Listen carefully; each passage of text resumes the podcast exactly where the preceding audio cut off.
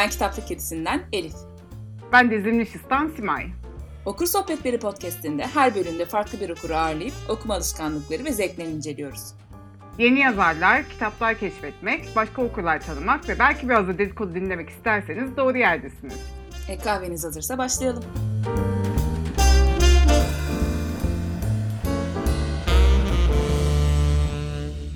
bölümümüzün konuğu şiirsever ve hayli kibar bir okur sevgili Demet. Hoş geldin Demet, nasılsın? Merhaba, iyiyim. Teşekkür ederim. Sizler nasılsınız?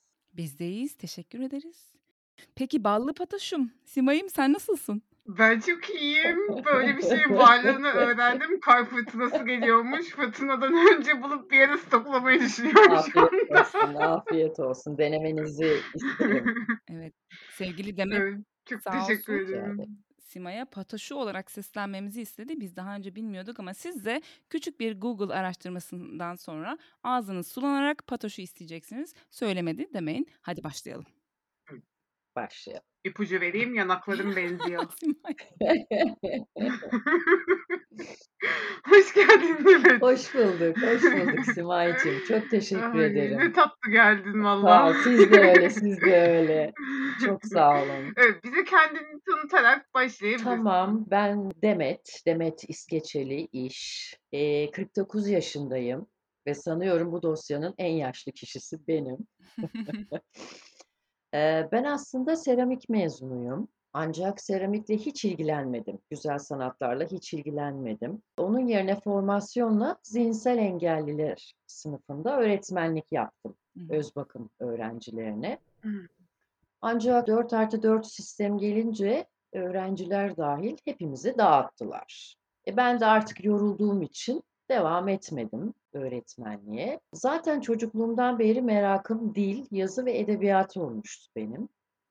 Bu merakım dolayısıyla e, Türk dili, dünya dili üzerine pek çok kitap okudum ve hayatımı okumaya adadım. Aslında bir sonraki sorumuzda biraz cevaplamış oldun. Öyle mi? Evet. Peki bu e, hani kitaplardan bir beklentin var mı? Seni okumaya iten şey nedir? Ha, burası şimdi çok romantize etmek istemiyorum Hı hı. ama e, bunu anlatmak durumundayım. E, dediğim gibi çocukluğumdan beri okumaya merakım vardı. E, hatta bana kitap sevgisini ilk aşılayan babamdır. Babam MS hastasıydı. Bu multiple skleroz deniliyor. Hı hı. Tekerlekli sandalyede tamamladı ömrünü ve onunla okuma saatlerimiz olurdu bizim. Büyük bir kitaplığı vardı. Kitaplığından beraber bir kitap seçer, onu okurdum. Dikkatle dinlerdi beni.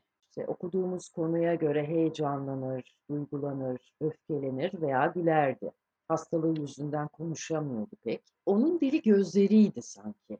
Yani ve onun gözünde gördüğüm o heyecan veya umuttu bana kitabı sevdiren. Çünkü ben okurken babam adeta gözleriyle yaşıyor ve yaşatıyordu o öykü veya hikayeyi. Böylece e, kitap benim de yaşama biçimim oldu.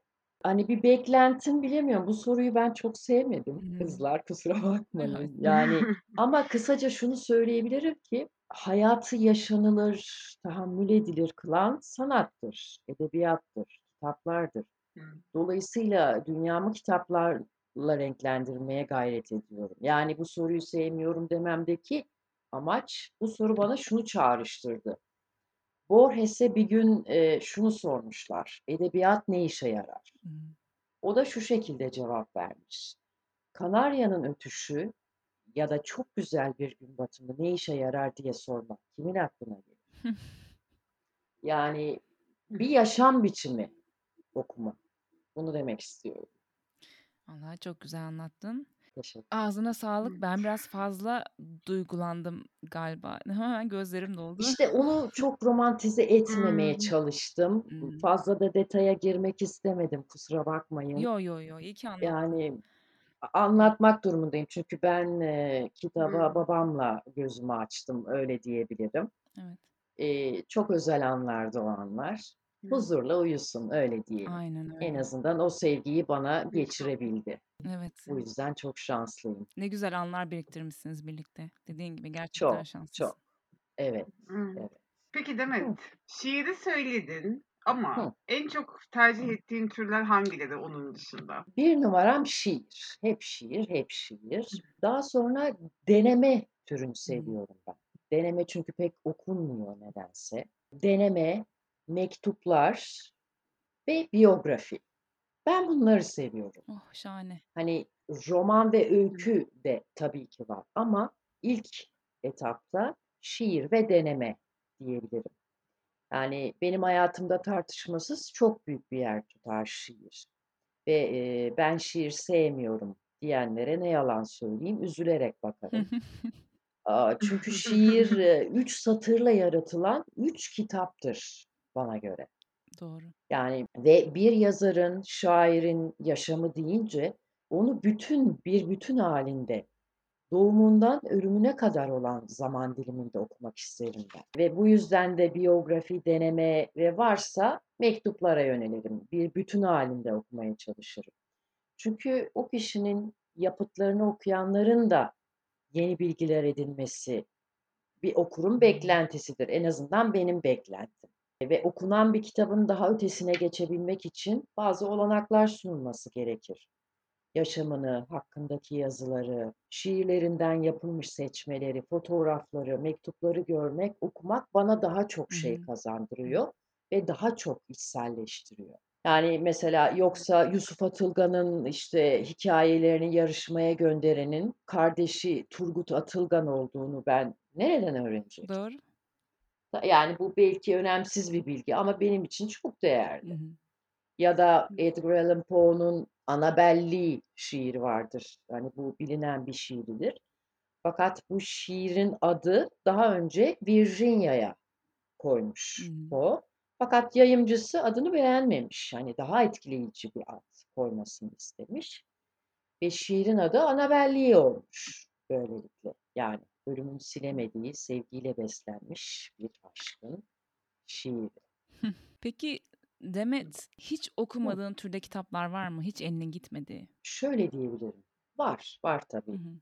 Yani bir de şunu önce belirteyim. Bu kısa ömrümüzün diyeyim, dünyadaki bütün kitapları, hatta yalnızca iyi kitapları bile okumaya yetmeyeceğini fark ettiğimde ben elimi öyle her kitaba atmaz Hı oldum hı. Açıkçası. Mesela fantastik, bilim kurgu veya kişisel gelişim kitaplarını okumuyorum. Hı hı. Yani kişisel gelişim asla okumuyorum da fantastik veya bilim kurgu belki anlamadığım için Hı okumuyorum. Yani denedim, bilemiyorum yani fakat yakınından bile geçemiyorum bu türlerin. Eee, mutlaka bir felsefesi, bir alt metni var o fantastik bilim kurgularında. Fakat e, saygı duymakla beraber okuyamıyorum, okumuyorum. Roman eskiden çok okurdum ama şimdilerde merak duymuyorum. Denemenin verdiği hazzı hissedemiyorum. Tadı damağımda kalmıyor. Hani biraz da eski eski kuşaktan Hımm. eee, diyeyim geldiğim için işte Feride Edgüler, Sabahattin Ali'ler, Gorki'ler veya Sait Faik'ler ben onlarda kaldım. Ama yine de eee, romanı da eee, takip etmeye çalışıyorum. Gündemi, gündemdeki olan kitapları, romanları, öyküleri. Mesela şimdi adını telaffuz edemeyeceğim ama Bosna kökenli bir yazarın Köken adlı romanını aldım. Hımm. Fakat henüz okuyamadım. Öykü de öyle. Öyküyle benim aramda sık sık sürtüşmeler, didişmeler var. Bir büyüsü var kuşkusuz öykünün ama öyküde de eskiyi arıyorum ben. İşte Demirözlü, Orhan Duru, Feride Edgü, Selçuk Baran, hikâyede Sait Faik gibi. Yani hoşuna gitmediği sürece neden fantastik ya da bilim kurgu okuyasın ki? Dediğin gibi şu kısacık ömrümüzde Hiç hiç hissetmedim gerek yok eksikliğini. yani. Hiç hissetmedim hem de. Aynen öyle. Ya. O zaman şimdi en sevdiğin 5 kitabı alalım. Ha, tamam. E, ben Feride Edgü ile başlayayım yine Hakkari'de Bir. Mevsim. Ay, Evet. O ay, çok evet. etkiler beni. Edip Cansever Sonrası Kalır. Dönüp dönüp onu okurum ben. Arkadaş Zekai Özger Sevdadır adlı kitabı. Zaten bir tek o var. Orhan Veli onu da sorgusuz sualsiz çok severim. Füsun Akatlı'nın bütün deneme yazılarını okurum. ve Bütün Yazıları adlı bir kitabı var. Seri halinde o. Bir de geçen sene Kaya Tanış'ın Burası Orası Değil, Hayalet Oğuz kitabı vardır. O da çok iyi bir kitap. Senur Sezer'in Perşembe Mektupları vardır. Cortázar'ın biyografisi. Böyle daha devam edebilirim de bitmez. O zaman ı, sevdiklerini bir kenara alıp böyle ay keşke buna vakit ayırmasaydım, zamanımı geri istiyorum dediğin, pişman olduğun kitaplar var mı? Sevmediğim demeyelim de şöyle söyleyeyim kızlar. Anlam veremediğim bir durum var. Yani biliyorsunuz artık bu alıntılar, yazılar, çiziler, kitaplar çoğu şeyi sosyal medyada yer buluyor. Hı hı. Mesela İnci Aral veya Canan Tan'ın kitapları çok fazla beğeni alırken Selçuk Baran veya Firuzan çok daha düşük. Hı. Veya Azra Erhat. Evet. Bugün bakıyorum Azra. Erhat dediğimde o kim diyorlar. Onun adı bile geçmiyor. Halbuki çok değerli bir yazar, bir araştırmacı, çevirmen. Yani bunlar neye göre belirleniyor mesela? Buna buna anlam veremiyorum. Ve eee, bir öyküde Hür Yumer var. Adını kaç kişi duymuştur merak ediyorum. Ahtım var adlı öykü kitabı var. Çok iyidir. Çok genç yaşta kaybettik, intihar etti Hür Yumer. Belki ondan bilemiyorum. Hımm. Onu da zaten bir tek tiyatro sanatçısı Serra Yılmaz anıyor. Ve ben açıkçası Canan Tan yerine eee, Azra Erhat'ı tercih ederim. Hür Yumer'i tercih ederim elbette. Biz de öyleyiz. Böyle. Peki seni hiç ağlatan kitaplar oldu mu? Hikâyeler. Anlatan kitaplar çok geniş bir kavram benim için. Fakat Sabahattin Ali'nin Yeni Dünya adlı öykü kitabında Ayran diye bir öyküsü var. O beni çok etkilemişti ve Hı ağlamıştım. hı. Kısaca bahsedebilirim isterseniz, çok kısa. Bu öyküde eee, Küçük Hasan'ın iki kardeşine bakmak için eee, karlarda bata çıka kilometrelerce yolu yürüyüp istasyonda ayran satmasını anlatır. Daha doğrusu satamamasını. Ben böyle öyküleri seviyorum işte. Yalın, içten, yoğun, bir kimlik haritası çizilen, tutkunun içten bir dille Hı hı. anlatılması. Gören, gösteren, nedenini, niçinini sorgulayan. Hakkari'de bir mevsim de öyledir mesela. Umut ve acı bir arada. Evet. Peki sorgusuz sualsiz okuduğun yazarlar kimler? Ben canım şairlerimden başlayayım yine. Eee, Asuman Susam var, Ömer Erdem var, Gonca Özmen, Meryem Coşkunca, Cevdet Karal. Bunlar günümüzde olan şairlerim. Sorgusuz sualsiz okuduğum. Edip Cansever tabii ki. Orhan Veli, Behçet Necatigil, Ahmet Erhan. Öyküde, romanda Cortázar Hı vazgeçilmezim. James Joyce, Leyla Ergül, Yusuf Atılgan, Sait Faik. O da benim vazgeçilmezim. Erendiz Atasü var.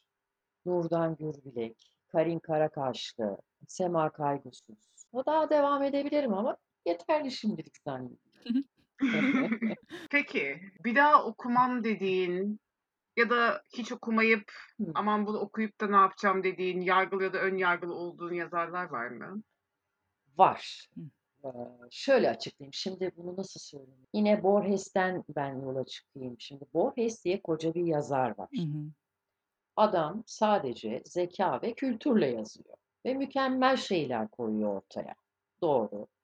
Bunun farkındayım, bilincindeyim. Borges'in çok iyi bir yazar olduğunu anlayabiliyorum ama onun yazdıklarını yüreğimde hissedemiyorum. E, Hı. dolayısıyla Borges'i, eee, haddim olarak ya da olmayarak okuyamıyorum, okumuyorum. Buna ben Ama de kitapları duruyor. Kitapları duruyor ki kitaplığımda. Ama çekip de okumam. Borges'i ben de Aaa okuyamıyorum ama benim de şöyle bir tarafım var. Borges'le ilgili yazılmış kitapları çok seviyorum. Ha, bak, evet. Onu ben de tercih edebilirim. Aynen. Onu ben de tercih Seni ederim. çok iyi anlıyorum bu konuda. Onda hemfikiriz. Evet. Eee, ön yargılı olduğum yazarlara gelince o da şimdi, eee, linç yemem inşallah ama, eee, Hemen bloke yesem de ederiz. sorun değil. İhsan Oktay Yanar ise ön yargılı olduğum bir Hı yazar. hı. Şöyle ki bir bir ta sadece bir tane kitabını okudum ben onun ilk çıkardığı kitabı ama güç anlaşılır olmayı tek başına bir meziyet saymak bana tuhaf geliyor. Ya onun öyle bir iddiası yok tabii Hı ki. hı. Ama bana öyle geliyor. Yani onun kitapları bana çok kuramsal, sanki laboratuvardan çıkmışçasına e, bilimsel geliyor bana. Yani böyle bir yaklaşım edası romanda okura göre değil. Hmm. Bana göre değil. Kuşkusuz iyidir. Ee, Ama ön yargılıyım ona karşı. Mesela son kitabı çıktı işte Tiamat'tı zannediyorum. Almadım. Çok sevdiğimiz biricik novelli yazarımız Orhan Pamuk da okumam mesela. Yani ilk kitapları çok iyiydi. Cevdet Bey ve Oğulları, Sessiz Ev bayağı iyiydi. Fakat sonraki romanlarında bir kopma oldu. Hem dil anlamında hem öykü anlamında, hikaye anlamında. Yani çok detaya girmek istemiyorum ama kısaca şunu söyleyebilirim. Bozuk, delik deşik cümleli anlatımı savunanlar var. Gerekçeleri de şu. Dili yanlış kullanma yazarın bir seçimidir. Böyle düşünenler yanılıyor bence. Böyle bir şey olamaz. Hmm. Yani özgün biçem, uygun sözcüğü uygun yerde kullanmayı gerektirir. Diğer türlü novelli olsam da akıllarda hep tırnak içinde ince belli çay fincanı olarak kalırsın. Ha, ben o yüzden okumam, okumam. Ama kendisini tebrik ediyorum tabii novelli olduğu. Peki Demet, edebiyat ödüllerini takip ediyor musun? Ay, tabii tw- Twitter'dan takip ediyorum genelde. Oradan takip ediyorum ama benim için çok e, önemli değil ödül. Evet. E, çok çok fazla e, işte ay kim bu şimdi ödül alacak diye e, beklentiye girmiyorum hiçbir zaman. Ama e, şey var mesela takip ettiğim okuma listeleri var hı. öyle diyebilirim ki yayın evleri var daha doğrusu. Süper. Ha yani Metis, işte Yordam, Everest, Fol Kitap, Jaguar, Kor Kitap, Vakıfbank Kültür Yayınları iyi şeyler yapıyor. Bunları takip ediyorum ben açıkçası. Hmm. Yani yayınlarına güvendiğin yayın evlerini takip Evet, etmeyi evet, evet. Evet. Kısaca bu. Biz de son dönemde ödülleri takip etmekten biraz vazgeçtik açıkçası. Hayal kırıklığına uğradığımız çok oldu çünkü. Evet, evet. Ben o yüzden beklentiye girmeden takip etmiyorum. En Ama güzeli. tabii çıkınca okuyorum. Doğru. Evet. Şimdi sıra ezberinde olan alıntıya Aa, geliyor. Ama sanki şiir gelecekmiş alıntı gibi benim işim. Oh. Ben alıntılarla yaşıyorum. Twitter'ım, sayfam alıntılarla dolu. Ama e, bir iki tane yine alıntı yapayım fazla uzatmadan. E, Kabafis'ten bir Hı. alıntı yapabilirim mesela. Şöyle diyor. Eğer şiir bağışlanma değilse o zaman hiçbir yerden medet ummamalı. Böyle bir şey var. Kısa bir e, alıntısı var Ay. Kabafis'in. Ha Necatigil'in, Behçet Necatigil'in Ekmek Kırıntıları adlı şiirinden bir dörtlüğüm var. Şöyle diyor da. Benim de arkamda renkli taşlar olsaydı çocukluğuma giden yolu bulmam kolay olurdu. Öyle. Bu kadar alıntı yeter Ah. bence. Yoksa çok yaparım ben. Oo, bir girdim mi bitmez. Üç cümlede bittik. Bitti, yeter. Ne kadar güçlüler ya. E işte ya yetiyor. Evet. Kimine bir satır yetiyor, kiminde bir dörtlük yetiyor. Evet. Yani işte bunlar şair. Esas şair bunlar. Aynen öyle. Tutku varmış çünkü o zamanki şairlerde diyeyim Hmm. yani öldükleri için tutku varmış. Hedonizm varmış. İşte ne bileyim varmış da varmış. Doğru. Peki Demet çok fazla Hı. kurguyla aran yok ama yine de okuduğun bir romandan ya da öyküden hatırında kalan bir favori kurgu karakterin var mı? Zebercet olabilir mi Tabii mesela? ki. Kurgu, ha kurgu, aa, ana yurt oteli. O çok severim onu. Orada Serra Yılmaz'ı da çok beğeniyorum ben. Ha, sebebini bilmiyorum ama Zebercet e, benim favorim. İlginç. Onu çok severim. Bir de şey var kitapta. Gerçi onun filmi de vardı hatırladığım kadarıyla. Roman Gary'nin Kadının Işığı diye. Hmm. O kitaptaki karakterlerin, kurguların tümü olmak isterdim. Yani mesela umutsuz bir insan haindir diyor. Ya da şöyle bir paragraf geçiyor, bir metin. Birbirlerini ellerinden kaçıran birçok erkek ve kadın vardır. Ne oluyor onlar? Neyle yaşıyorlar? Müthiş bir adaletsizlik bu. Öyle sanıyorum ki seni tanımamış olsaydım yaşamımı senden nefret etmekle geçirirdim. Karşıdaki de diyor ki işte bunun için bu kadar kin ve nefret dolu insan görüyorsun. Rastlamadıkları her şeyden nefret eden bir sürü insan görüyorsun. Bu cümle, bu paragraf, bu metin beni çok etkilemişti. Öyle, yine bak alıntıyla cevap verdim. Evet. Alıntı yaptım yani. Demet beni mahvettin. Ağlamak üzereyim. Elif'i kaybettik. Ay, Evet. ay, ay kızlar. Ben Gözlerim dolu balık dolu. burcuyum, romantik biriyim. Yapmayın, yapmayın. Simay sen devralır mısın? Tabii ki. Maycım, canım dinliyorum. Ay, bir de o zaman gıcık olduğun karakterler var mı hiç? Onları duyalım. Va- İnan yok. Ya aklıma gelmiyor. Hı. Yani o onu düşünmedim açıkçası. Ee, aklıma gelmedi hiç. Çünkü sevmediğim kitapları zaten okumadığım için istemediğim kitapları. Dolayısıyla öyle bir şey de gelmiyor aklıma. Tamam. Mantıklı. Evet. o zaman en çılgın sorumuza geçiyorum. Hadi bakalım. Hangi yazarları seksi buluyorsun? Hmm. Şimdi şöyle seksi değil de e, Cortázar çok etkileyici gelir bana. Bir gençlik fotoğrafı var. Dudağında e, sigara, öyle bir bakışı var. Karizmatik gelir Evet, çok karizmatik. doğrusu. Çok karizmatik. Hepsi kabul.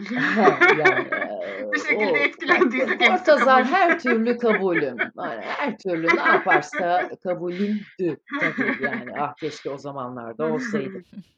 Ya aslında şu var, insanları ben fiziksel özellikleriyle pek ilgilenmiyorum. Yani hani şişmanmış, zayıfmış, güzelmiş, çirkinmiş bunlar göreceli konular. Hı hı. Biz çünkü e, her şeye aday insanlarız. Çok güzelsinizdir, bir gün başınıza bir şey gelir ve hayatınız tepetaklak olur. Veya tam tersi işte en yakın örneği babam. Çok yakışıklı, uzun boylu. Herkesin babası kendine göre yakışıklıdır kuşkusuz. İşte iki üniversite bitirmiş, yurt dışında çalışmış. Ama ne oldu? MS hastalığına yakalandı ve tekerlekli iskemlede tamamladı ömrünü. Yani bu, bu anlamda hayat hiç adil değil. Ben bu yüzden insanların fiziksellikleriyle ilgili hani işte bu çok güzel, bu çok çirkin demem. Hı hı. Demeyi de kendime yakıştıramam. Ama Cortázar'ın karizması ayrı diyorsun. Ama onu ayrı geçiyorum kızlar şimdi eee, söyletmeyin beni. Doğruya doğru. Doğruya doğru. Peki Demet içinde yaşamak istediğin bir kitap var mı? Ah ben de bu karakterlerin Ha. yanında olsaydım, birlikte bunları yaşasaydım Evet, dediğin. evet, evet. O var, o var. Ben eee, hani roman öykü çok okumuyorum dedim Hı hı. ama hani eskilerde tabii ki okuduğum oldu. Mesela eee, Adalet Ağoğlu'nun Bir Düğün Gecesi adlı romanında isterdim. Şöyle ki ondan da biraz bahsedebilirim. İşte sevgisizliklerin, yıkılışların, kuşkuların, kaçışların, kendinden hoşnutsuzlukların romanıdır Bir Düğün Gecesi. Ve e, toplumsal çözülüşün ağır bastığı bir dönemde yalnız bireylerin yine yalnız bireylere bel bağlamaya çabalamalarının romanıdır. Hani Sartre der ya cehennem başkalarıdır. Hı. O sözü anımsatan bir roman. Ama tabii karanfillerin, güllerin, sarı kır çiçeklerinin de romanı aynı zamanda. Yani şöyle ki Türkiye'yi anlatırken insanların haline gerçekçi bir açıdan bakıyor Ağam. hı. Yani roman kişileri hem yaşayan kişiler ki ben öyle seviyorum hem toplumsal anlamı, toplumsal te- temsil niteliği olan kişiler. Ve ilk kez 12 Mart'ı tarihsel yerine oturtan bir roman okuyoruz. İşte duygusallıklardan kurtularak bakıyor insan gerçeğimize ve toplum gerçeğimize bu romanda. Dolayısıyla e, o romanı isterdim. O romanda olmak isterdim. Peki Demet, sence okumasan nasıl bir insan olurdun? Hmm. Ya şöyle yani okuduğum o iyi kitaplar olmasaydı e, bilemiyorum ama şimdi ben de aralarından çıktığım o insanlar gibi Sürü toplumunun bir üyesi, bir üyesi olarak kalırdım Hı hı. muhtemelen. Yani içimde o baş kaldırı, o direnme duygusu oluşmayacaktı belki de. Evet. Yani kısaca böyle diyebilirim. Peki bizim için hangi temayı seçtin? Kadın, Aa, kadınlar, yaşasın. kadınlarımız. Şahane. Şöyle ki önce sözcükten gireyim. Ben önermek sözcüğünü pek sevmiyorum. Hı hı. Çünkü bana ukala bir sözcük gibi geliyor bana önermek. Yani kime göre, neye göre önermek? Ya şimdilerde herkes kitap öneriyor. Sizi dışarıda tutuyorum. Yani yanlış anlamayın. Hani mesela ben genel anlamda anlatıyorum. Yoksa tabii ki söyleyeceğim. Mesela X kitabı şiddetle öneririm. Yani kitap önermenin tırnak içinde tehlikeli noktası bir kere kitaba başkasının güdümünde yönelmektir bana göre. Yani nereden biliyor kendi ölçülerinin yanılmaz olduğunu? Neyse tamam çok uzatmayayım. Ancak ha, paylaşabilirim sizinle bunu söyleyebilirim. Herkesin dolu Bir olduğu o şeyler var. ukalalık etmeyeyim iyi şimdi. Evet, evet. Eee, şimdi temamız kadın demişken Erendiz Atasü'nün Kadınlığım, Yazarlığım, Yurdum adlı can yayınlarından bir deneme kitabı Hı hı. var. Ben dönüp dönüp ona bakarım, çok beğenirim. Türkiye'de kadın olmak, kadın ve şiddet, feminizmin hikayesi, kadın ve medya, kadın ve cinsellik gibi alt başlıklarla çok değerli ve faydalı bir kitap bana Hı göre. hı. Sonra Füsun Akatlı'nın bütün yazılarını önerebilirim. Kırmızı Kedi'den Hı hı. çıktığında. Yine Yordam kitaptan, bu yeni zannediyorum yani geçen seneydi galiba. Ebru Pektaş'ın Kadın Kurtuluş Hareketi, Ütopyalar ve Devrimler. Şahane. Yine Yordam kitaptan August Babel'in e, Kadın ve Sosyalizm. Bir de son olarak e, bunu bana e, yeğenlerim hediye etti kitabı. Kurtlarla Koşan Hı Kadınlar. hı. Ayrıntı yayınlarından burada. Ben bunları önemsiyorum ve toparlamak gerekirse şunu söyleyebilirim. Bizim edebiyatımızda, Batı edebiyatında, Rus edebiyatında veya bütün dillerdeki edebiyatlarda, klasik eserlerde kadının öne çıktığı yapıtları okumadıysanız, kadın hareketlerini, kadının ezilişini, yok sayılışını tarihi bir perspektife oturtamazsınız. Evet. Yani bu yüzden işte Rus edebiyatını da, e, Türk edebiyatı, dünya edebiyatı işte ne varsa onlardan veya bir işte Anna Karenina'dır, bir şeydir. O tür klasikler de olabilir. E, Madame Bovary gibi ya da işte deneme kitapları. Bunları paylaşabilirim sizlerle. Vallahi ağzına sağlık. Çok iyi yaptın. Çok da ederim. güzel Sizin de öyle. yerinde bir konuydu şu ülkemizin de haline Evet, bu hiç baktığımızda. bitmeyen bir gündem çünkü. Evet, Hiç evet. bitmeyen bir maalesef. gündem. Aynen öyle. Maalesef, maalesef. Harry Potter mı Orta Dünya mı? Hiçbirisi, ikisi de değil. İkisi de değil. Eee, çünkü demin dedim ya fantastik edebiyatı sevmiyorum. Yani onların da var bir şeyi mutlaka albenisi ya da felsefesi ama ben çok sıkılıyorum. Bir de seri halinde 7-8 kitap ya da film. Uuu, ben sıkılıyorum. Sıkılıyorum. Beni bağışlayın kızlar. İkimiz de ne patladık Elif demek? bu sefer. Evet, güzel tostladık. Ama iyi oldu. Salladı bizi. Böyle. Peki sevgili Demet. Şimdi senden çok sevdiğin filmleri ve dizileri dinleyebilir miyiz?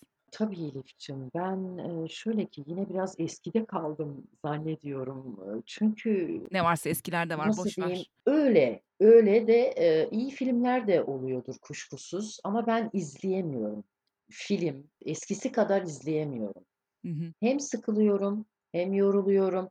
Mesela bizde Netflix'tir, Mubi'dir, o tür platformların hiçbiri Hı yok. hı. Bu yüzden bir arkadaşıma gittiğim zaman bir şey açarsa gel şu diziyi izleyelim derse anca o zaman seyrediyorum, izliyorum ya da işte. Mesela bu satrançla ilgili Queen's Evet. Gambit vardı. Onu merak ediyordum. Onu izledim dizi olarak. Beğendin mi? Beğendim, çok Evet, ben de beğendim. çok Ben beğenmiştim. o tür filmleri satrançla ilgili veya işte John Nash'in eee, matematik profesörü hayatını anlatan akıl Akıl oyunları. işte. Heh, akıl Akıl oyunları. Oyunları. Akıl oyunları. Onu evet, akıl oyunları. Russell Crowe Evet, oynamıştı evet. galiba. Çok emin değilim. O tür filmleri seviyorum hı. ben. Eee, bizden de mesela Fakir Fakir Baykurt'un, Fakir Hoca'nın Yılanların Öcü var. Hıı.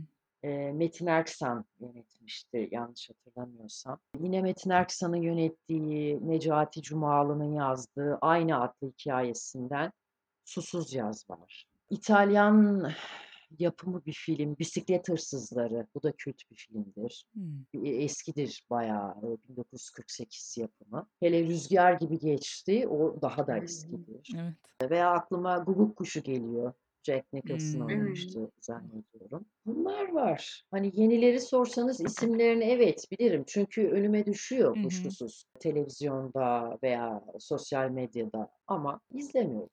Filmlerden ben de eskisi gibi zevk almıyorum. Dikkatim dağılıyor, Zevk almıyorum. Kulübü çok merak ettim. Fırat Tanış'ın, Salih Bademci'nin Hı hı. Salih Bademci de oynamış mıydı onda? Tabii, Evet, evet, tabii evet. ki başrol. Onu merak ettim fakat bir türlü izleyemedim. Ben, eee, tiyatroyu seviyorum.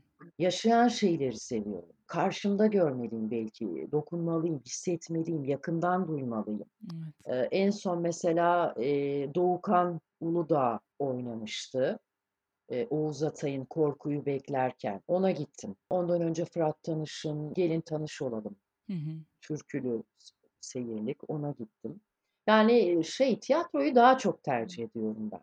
Bence daha iyi yapıyorsun. Öyle, öyle. Peki Demet, bugünlerde ne okuyorsun? Şu an elinde hangi kitap var? Şimdi, şöyle, Jean Baudrillard'ın, Sanat Komplosu adlı bir kitabı var. Bu yeni sanat düzeni ve çağdaş estetikle ilgili bir kitabı. Onu anlamaya çalışacağım, Hı hı. okumaya çalışacağım. Ondan sonra da sıraya şeyi koydum, Emre Söylemez'in Hoş Koku adlı bir şiir kitabı çıkmış. Hımm. Daha doğrusu kasım 2021'de 1. baskısı. Onu okumamıştım. Onu merak ediyorum. Çünkü yeni şiirleri de takip etmem lazım. Evet, Hı onu hı. soracaktım. Genç şairleri de takip etmem lazım. Evet, doğru. Bu yüzden onları okuyucu okuyorum ve okuyacağım. Yani toparlamam gerekirse, eee, hep eskilerden bahsettim. Belki de işte Feride Edgüdür, Sait Faik'tir falan ama şu var, iyi yazarlar gerçekten eskimiyor.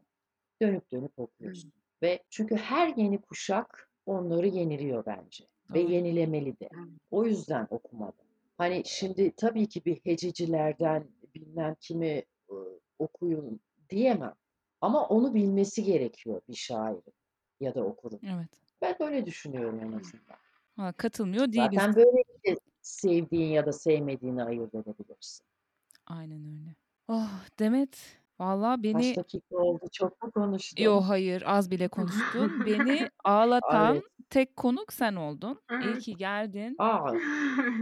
Teşekkür mü edeyim? Şimdi Evet. ağlatmaya da teşekkür edilmez ama yani bu içtenliği geçirebildiysem Geçirdin. ne mutlu Evet, bana, öyle evet. diyeyim. Valla Eee, Geçirdin. sizi tanıdığıma, çok memnun oldum gerçekten. Her zaman için görüşmek isterim. A, biz de öyle. Ağzına kalbine sağlık Çok çok gerçekten. teşekkürler. Sağ olun. Sizler de öyle, sizler de İyi ki öyle. geldin. Hı hı. Görüşmek üzere. Arkadaşlar, sevgili Demet'i Twitter'da takip etmek isterseniz Demet İskeçeli diye aratıp bulabilirsiniz. Ancak biz her zamanki gibi zaten açıklama kısmında kullanıcı ismini vereceğiz. Demet, iyi ki geldin. Çok mutlu olduk. Çok güzel Sağ olun ağladık. siz de. Senin Siz de ki enerjin bana ta nerelerden geldi, içime girdi böyle. Sıcacık yaptın Sağ beni. Çok olun, teşekkür sağ ederim. olun, sağ olun. Ben teşekkür ederim. Hadi Simacım o zaman. Çu Elif'ciğim. Pataşu'yu unutma.